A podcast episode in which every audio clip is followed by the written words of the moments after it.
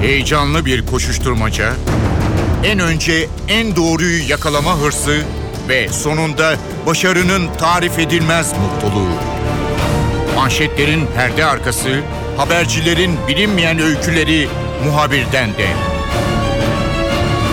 Muhabirden şimdi başlıyor.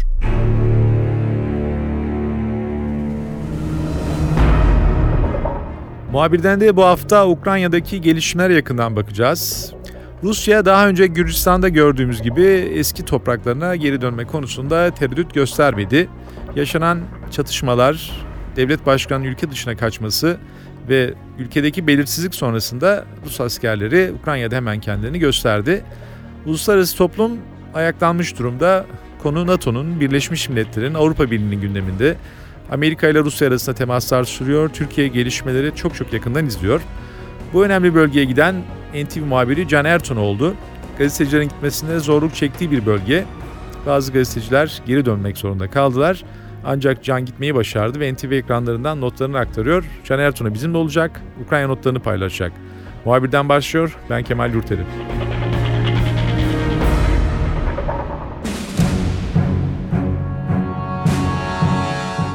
Bu haftaki konumuz Ukrayna.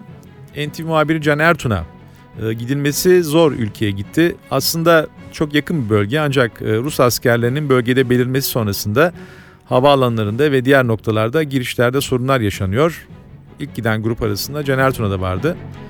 Can e, zorlu bir bölgeye zor bir yolculuk sonrasında ulaşabildin. Türkiye'den gitmek isteyen gazeteciler vardı ancak Karadeniz üzerinden uçaklar döndürüldü. Bir şekilde bölgeye gitmeyi başardın. İstersen oradan başlayalım. Ee, önemli bir haber öncesinde önemli bir yolculuk. Belki biraz gergin bir yolculuktu herhalde sanıyorum. Ee, nasıl ulaştınız?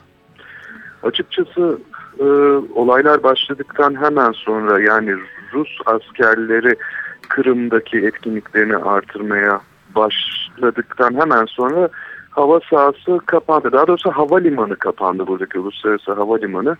Ve biz de buraya nasıl gidebileceğimizi düşündük. Bazı uluslararası haber kuruluşlarından arkadaşlarımız Odessa kentine gitmişlerdi. Oradan karayoluyla 7-8 e, saatlik bir araç yolculuğuyla Kırım'a, Simferopol'e gelmeyi hedefliyorlardı. Ancak onlardan da e, aldığımız bilgi karayoluyla erişiminde mümkün olmadığı yönündeydi. Çünkü ilk günlerde burada Rusya yanlısı milisler Kırım'ın girişindeki otobanı kapatmışlar, kimlik kontrolü yapıyorlardı ve gazetecileri hem de alet edevatlarına, kameralarına, mikrofonlarına eğer yanlarında getirdilerse çelik yeleklerine el koyarak geri çeviriyorlardı. Biz de nasıl girebileceğimizi düşünürken bir anda Uluslararası Havalimanı'nın açıldığı bilgisi geldi. Son dakikaya kadar açıkçası opsiyonlu olarak biletlerimizi hem Odessa hem Simferopol'e tutuyorduk. Bir sabah uyandık ki iki saat sonraki uçak kalkıyor ve biz de bir an önce Atatürk Havalimanı'na gittik ve hava yoluyla Simferopol'e indik. Tabii indiğimizde bizi tam olarak neyi karşılayacağını bilmiyorduk. Bu gibi görevlerde en büyük sıkıntı ağırlıklı olarak gazeteci olarak bir e, coğrafyaya girmektir. E, eğer herhangi bir basın vizesi ya da bir e, resmi evrak taşımıyorsanız kameralarınızı, yayın cihazlarınızı sınırdan geçirmektir. Acaba biz kameralarımızı bakmak zorunda kalır mıyız ve biz girebilirsek bile diye düşünüyorduk, endişeleniyorduk. Ancak tahmin ettiğimiz gibi olmadı. Ee, rahat bir giriş yaptık havalimanından. Burada da açıkçası şu sıralarda bir otorite boşluğu var. Tabii ki hala Ukrayna'nın özel bölgesi olarak geçiyor ve dolayısıyla Ukrayna e, Kiev hükümetine bağlı görevliler karşılıyor sizi pasaport polisi ve sınır görevlileri aslında. E, dolayısıyla e, o noktadan rahat geçtik. Biraz da belki de bu karmaşanın yarattığı boşluk sayesinde havalimanından çıkar çıkmaz da aslında Kırım'daki gerçekliği çıplak gözlerimizde görebildik. Havalimanının etrafı e, üniformasının üzerinde herhangi bir rütbe ya da işareti olmayan Rus askerleriyle çevriliydi. Ee, uluslararası bir havalimanı ancak e, bildiğiniz bir askeri havalimanı görüntüsü de var biraz e, terminal binasının dışına çıktığımızda. Ve evet dedik galiba Rusya'nın askeri denetimi sağladığını ilk adımımızdan itibaren görmeye başlıyoruz diye konuştuk. Can tabii e, Soğuk Savaş sonrasında o bölgede çok e, şeyler değişti. E, ama hatırlayabildiğim kadarıyla gazetecilerin çalışma koşullarında bazen neredeyse eski Sovyet dönemine benzer uygulamalar görmek mümkündür orada. Gazetecilere zor vize verirdi Rusya. Son durumu tam bilmiyorum. Gerçi Ukrayna ile vizeler kaldırıldı. Ama hani işin içerisine Ruslar girdiğine göre gazetecilerin de çalışma koşullarının kolay olacağını söylemek zor hale gelir diye düşünüyorum. Sahada çalışırken nelerle karşılaşıyorsunuz? Açıkçası bir konuda dürüst davranmak lazım. Biz hiçbir zaman, hiçbir coğrafyada, hiçbir ülkede ki Türkiye'de buna dahil herhangi bir asker birliği ya da nöbetteki herhangi bir askeri bu kadar rahat görüntüleyememiştik. Bu kadar yakınına gidememiştik. Anladığımız o ki Rusya buradaki askeri varlığının uluslararası haber kuruluşları tarafından görüntülenmesinden oldukça memnun. Rusya burada e, demir yumruğunu gösteriyor ve tüm dünya kanallarının, e, tüm uluslararası kamuoyunun bunu görmesini bekliyor.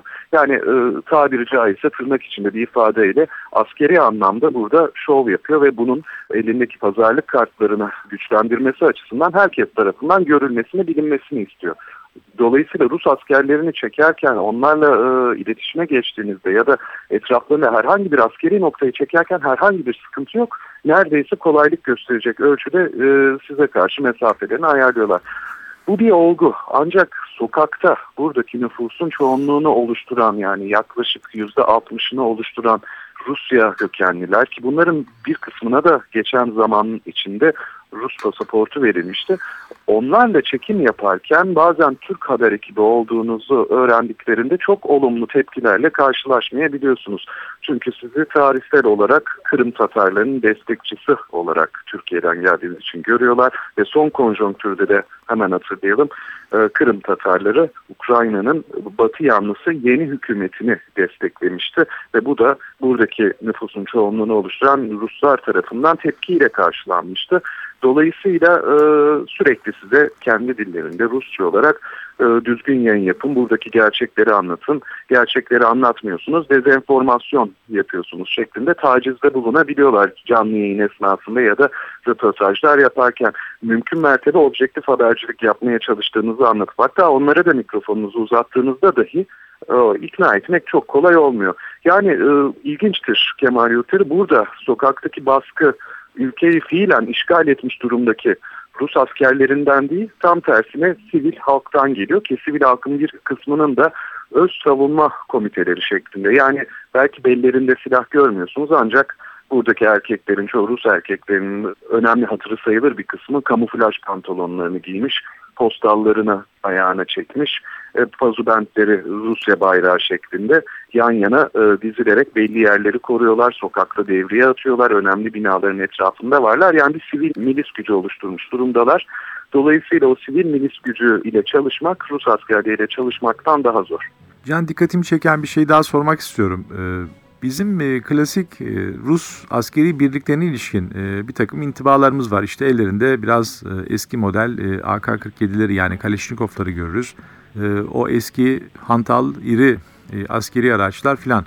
Fakat görüntülere baktığımız zaman e, böyle hani biraz artık Amerikan vari mi diyelim tam bilmiyorum ama e, daha yeni tarz kıyafetler, e, işte AK-47'nin son modelini e, taşıyan askerler, kasklarıyla falan biraz daha e, dizayn edilmiş bir birlik görüyoruz. Bu birlik özel bir birlik mi? E, yani sanki bu gösterinin bir parçası mı? Hani askeri varlığını göstermek istiyoruz orada dedin. Bir yandan da hani böyle bir düzgün bir e, birlik intibası yaratmaya da mı çalışıyor sence? E, açıkçası doğru saptamalar bunlar. Bizim de e, alışa geldiğimiz o 90'lı yıllardaki üniformalar ve teçhizattan artık yavaş yavaş sıyrılıyoruz ordusu ve özellikle tabii ki buraya gelen askerler nereden geldi? Haberciler olarak e, ilk günlerde hep bunu sorguladık. Hatta birkaç gün öncesine kadar uluslararası haber kuruluşları geleneksel e, temkinli yaklaşımlarını terk etmemişlerdi e, ve objektiflik adına silahlı, üniformalı bazı kişiler şeklinde veriyorlardı bu haberleri, bu görüntüleri. Ancak savaş bölgesinde veya gerilimli bölgelerde biraz çalışan birisi hemen anlıyor ki bunlar üniformalarıyla e, emir komuta zincirlerini gözlemliyorsunuz, disiplinlerini gözlemliyorsunuz. Bunlar açıkçası Rus askerleri. Peki bunlar nereden gelmişlerdi? Kısa soru cevap yapanlar oldu. İlk birkaç gün e, açıkçası çok konuşmuyorlardı ancak süreç ilerleyince Rusya'dan geldiklerini kabul ediyorlar. Şu yüzden önemli bu. Kırım'da aslında Rusya'nın askeri üsleri var. Örneğin Sivastopol e, limanı, Sivastopol kenti geleneksel olarak Sovyetler Birliği döneminde hatta 18. yüzyılın sonlarından bu yana Rusya'nın çok önemli bir limanı. Soğuk Savaş'ta çok önemli bir askeri garnizon görevi görmüş, garnizon kenti olmuş. Daha sonra da özel bir anlaşmayla e, Ukrayna Sovyetler Birliği'nden ayrıldıktan sonra yani Ukrayna ve Rusya olarak bu coğrafyadaki toprak bölündükten sonra bile Sivastopol'da e, Rus askeri varlığı devam ediyordu. Ve Rusya'nın belli sayıda asker bulundurma hakkı var. Moskova yönetimine göre yaklaşık 25 bin asker bulundurabiliyorlar. Ancak onların askeri hareketli yani garnizonlarından çıkıp belli bir noktaya gitmeleri de Ukrayna hükümetinin denetimine tabi ki sokaklarda kamyonlarla askeri sevkiyat e, halinde gördüğümüz Ukrayna askeri birliklerinin etrafını kuşatmışken gördüğümüz bu askerler açıkçası bu anlaşmayı e, çiğner vaziyetteydi. Öncelikle şunu söylemek lazım. Onlar e, düzenli bir orduya bağlıydı. Rus ordusuna bağlılardı. Peki nereden geliyorlardı? Hakikaten Rusya'nın haklı olarak anlaşmalar gereği bulundurduğu askerler mi yoksa dışarıdan mı gelmişlerdi? Kısa bir süre sonra ortaya çıktı ki gelenlerin büyük bir kısmı aslında Kırım toprakları dışında anlaşmanın dışından getirilen askerler. Ee, Çeçenistan'dan gelenler olduğu e, yönünde bilgiler veya Rusya'nın diğer taraflarındaki birliklerden e, gelenler olduğu yönünde bilgiler ulaştı elimize. Ee, teçhizatlara ve e, yaklaşımlarına gelecek olursak evet yani oldukça disiplinli askerlerle karşı karşıyayız. Nöbet anlarında daha doğrusu yüzlerini örtmüştü hepsi. Üniformalarının üzerinde herhangi bir rütbe işaret yok. Yüzleri de sadece gözlerini açık bırakır biçimde örtülüydü ve günler boyunca etraflarında dolaştık. Açıkçası yüzü açık hiçbir asker yoktu. Bu konuda kesin talimat vardı. Dışarıdakilerle özellikle basın mensuplarıyla konuşmama konusunda kesin talimat vardı. Ee, ve oldukça disiplinli bir askeri birlik havası gözlemledik. Bu da açıkçası buraya getirilen askerlerin özel olarak olmasa bile özenle seçildiği yönünde bir izlenim bıraktı üzerimizde. Rus ordusunun teçhizatı da değişiyor açıkçası. Örneğin Amerikan Hammer jiplerine e, çok benzeyen, onun kopyası diyebileceğimiz yeni jipler var. AK-47 olarak bilinen Kalashnikov'un son modelleri var. E, ve NATO standartlarına çok yakın teçhizat ve üniformayla e, Rusya e, ordusu da burada e, bir anlamda şov yaptı diyebiliriz. E, Can sen şimdi Simferopol'desin. Ee, sokaktaki insanların da biraz e, düşüncelerini öğrenmeye çalışacağız. Şimdi uluslararası e, kuruluşlar, Avrupa Birliği, NATO, Amerika, işte Rusya arasındaki temaslar falan yani ciddi bir türbülans var. E, ama bu e, diplomasinin e, dışında e, bizzati e, işte Rus askeriyle burun buruna gelmiş orada insanlar var. Tatarların durumu tabii çok daha farklı. Onlar e, neredeyse ne Rus ne de Ukrayna arasında e, bir yerde değiller. Hani biraz kendi varlıklarını korumaya çalışıyorlar gibi. Kendi politikadan izlemeye e, çalışıyorlar gibi. Nedir sokaktaki insanların reaksiyonu? Hani böyle poz veren Ruslar, Rus askerleriyle poz veren Rusları falan görüyoruz ama durum böyle mi? Yani bu durumu benimsemiş bir insan kitlesi mi var orada yoksa alttan alta bir takım hoşnutsuzluklar başladı mı?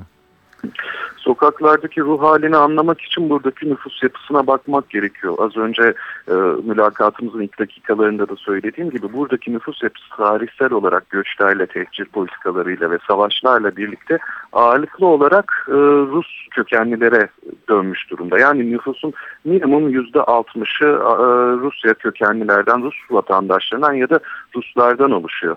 E, ve sokaklarda da ağırlıklı olarak onların hakimiyetinden bahsetmek mümkün. Tatarların nüfusu yüzde 12 ila yüzde 14 arasında farklı kaynaklar, farklı rakamlar veriyor ki yaklaşık 250-300 bin e, Kırım Tatarı nüfusundan şu anda mevcut bahsedebiliyoruz burada. Elbette ki bir azınlık psikolojisi var ve e, Rus askerlerinin namlularının gölgesinde de hiç e, konforlu, rahat hissetmediklerini söyleyebiliriz. Kırım Tatarları ee, örneğin dün bir olay gerçekleşti. Meclisin önünde Kırım Tatar Milli Meclisi var Simferopol'de. Buradaki en üst idari yapı Tatarlar açısından. E, bir provokasyon olabileceği uyarısı gelmişti ve Kırım Tatarları özellikle genç erkekler ya da orta yaşlı erkekler meclisin önünde toplanmıştı gerektiğinde burayı savunuruz diye. Akşamları mahallelerinde olabilecek herhangi bir provokatif eylem ki bu Rusya yanları tarafından olabilir veya Rus askerleri tarafından olabilir ona karşı e, mahalle komiteleri oluşturdular ve e, düzenli nöbetler tutuyorlar. Ancak sürecin başında e, Ukrayna'daki olaylarla birlikte Kırım'da bir parlamento baskını yaşanmıştı. Tatarlar burada gösteri yapmışlardı ve e, Kırım parlamentosunun önünde e, bazı ufak çaplı şiddet olayları yaşanmıştı. Onun gibi olayları daha da büyütebilecek bir protesto, kitlesel protesto gösterisine şu an için katılmayı ya da organize etmeyi düşünmüyorlar. Dün Rıfat Çubarov da parlamentonun Rusya'ya katılma kararını değerlendirdiği basın toplantısı bunu söyledi. Yani sokaklara çıkmayacağız, olayların daha da büyümesini istemiyoruz. Ee, yüzlerini Türkiye'ye dönmüş durumdalar. Tarihsel olarak bağları olan e, Türkiye'ye dönmüş durumdalar. Ancak Türkiye'den de gerekli sertlikte açıklama ya da bekledikleri e, Moskova yönetimine karşı sert e, yaptırım ya da mesajları bulamamaktan şikayetçiler. Tabii ki Türkiye'nin elinde ne kadar güç pazarlık kartları var bu da tartışılır. Tatarların da buradaki fikirleri e, eğer burası Rusya'ya bağlanırsa azınlık statülerinin daha da derinleşmesinden belki bir e, daha kapsamlı asimilasyon politikasına uğramaktan korkanların sayısı hiç de az değil. Hatta tek tük görüştüğümüz bazı kişiler öyle olması durumunda belki aileleriyle beraber Ukrayna'ya hatta Türkiye'ye gelebileceklerini bile söyleyenler vardı. Bu tabii ki buradaki Tatar nüfusun ne kadarının görüşünü yansıtır bilmiyoruz ama e, bu noktaya kadar varmış durumda. Buradaki Ukraynalılarsa daha sessizler. Açıkçası sokakta Ukrayna bayrağı ya da Ukrayna flamalarıyla gösteri yapanların sayısı da oranı da oldukça düşük. Geçtiğimiz günlerde Tatar kadınlar ve Ukraynalı kadınlar burada Rus askerleri ve sivillerin kuşatmasında olan Ukrayna Askeri Birliği'nin etrafında bir gösteri yapmaya çalışıyorlardı ve içeride kısılıp kalmış Ukrayna askerlerine destek vermeye çalışıyorlardı. Ancak eylem çok kısa sürdü. Ellerindeki Ukrayna bayrakları parçalandı. Kısa süren bir arbede yaşandı ve sokaklardaki e, Rusya yanlısı sivil milisler ya da Rusya yanlısı göstericiler yine galip geldiler. E, açıkçası burada içeriden gözüken o ki bir referandum olması durumunda bile burası Rusya'yı bağlanmayı seçecek gibi gözüküyor. Ancak hemen Kırım parlamentosunun nasıl bir süreç başlattığından bahsedelim. Kırım parlamentosu Rusya'ya bağlanmak istiyoruz dedi. Bu konuda Rusya parlamentosuna Duma'ya başvuruda bulundu ve top artık Moskova'da. Yani aslında kabul edip etmemek Moskova'nın elinde. Moskova'nın bir diğer seçeneği hayır e, bize bağlanmanıza gerek yok ancak daha geniş bir özellikle var olabilirsiniz derse zaten burada hem tarihsel olarak hem de güncel olarak Moskova'nın etkisi çok büyüktü.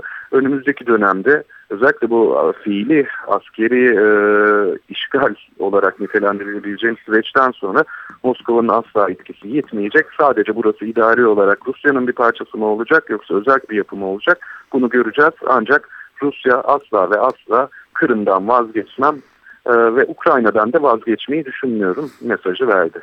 Can tabii bu olay sonrasında biz Türkiye'de Tatarları hatırladık. Ee, şimdi tarih tartışmalarında, gazete sayfalarında Tatarlarla Osmanlı arasındaki bağ, işbirliği, geçmişteki e, ilişkiler de irdelenmeye başladı. E, Tatarlar e, sen söyledin tabii yani Türkiye'den beklentileri var. E, bu uluslararası denge içerisinde Türkiye'ye ne kadar katkıda bulunabilir veya e, onların istekleri ne kadar karşılayacak bilemiyorum. Önümüzdeki günlerde netleşir bunlar. Tatarlarla e, oradaki e, diğer halklar arasındaki ilişkiler nasıl? Yani onlar böyle çok e, lokalize olmuş bir e, halk olarak mı duruyorlar? Yoksa e, aralarında hani temelde bir problem yok. E, beraber yaşama kültürünü benimsemiş farklı e, insanlar var orada. Açıkçası tabii Sovyetler Birliği döneminde e, yaşanan çok uzun 10 yıllar süren bir miras var. Yani etnik kimliklerin çok ön plana çıkartılmadığı e, en azından e, Sovyetlerin çökmesinden sonra olduğu gibi bu kadar etnisiteye dayanmayan yani kimliğe çok dayanmayan bir siyasetin mirası var. Tatarlar burada toplumun çok ezilen bir kesimi sosyal hayatta tamamen dışlanıyorlar ve onlara karşı sistematik bir dışlama ve yok sayma politikası var demek e, hiç doğru olmaz. Ama işte esas tehlike e, bundan sonra başlayacak. Yani bundan sonraki süreçte e, eğer burada Tatarlara da biraz görev düşüyor gibi gözüküyor. Kendilerini ayrıştırmayı seçerlerse açıkçası buradaki nüfusun çoğunluğuna karşı hareket ederlerse biraz da başları derde girebilir, sıkıntı yaşayabilirler gibi gözüküyor.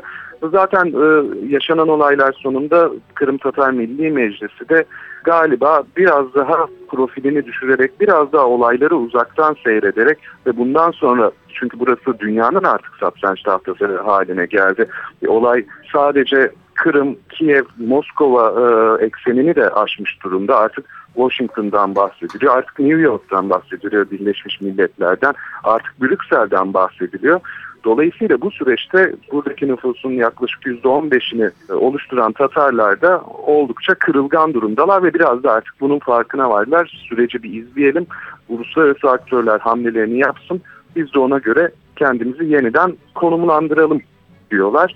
Çünkü onun dışında herhangi bir şekilde burada özellikle de Rus askerleri e, Kırım'ı ele geçirdikten sonra herhangi bir etnik tabanlı çatışmanın kendi lehlerine olmayacağının çok da farkındalar. Ve e, açıkçası çok büyük yaralar, darbeler alabilirler.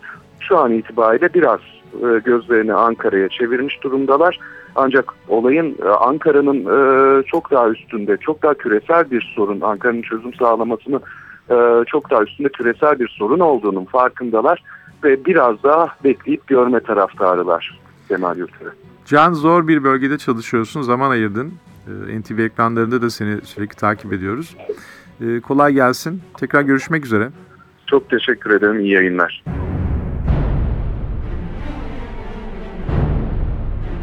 Muhabirden de bu hafta Ukrayna'daki gelişmeler yakından baktık. Ben Kemal Yurteri. Muhabirden de yeniden görüşmek üzere. Hoşçakalın. Haber için değil de haberin hikayesi için şimdi onlara kulak verme zamanı. Muhabirden NTV Radyo'da.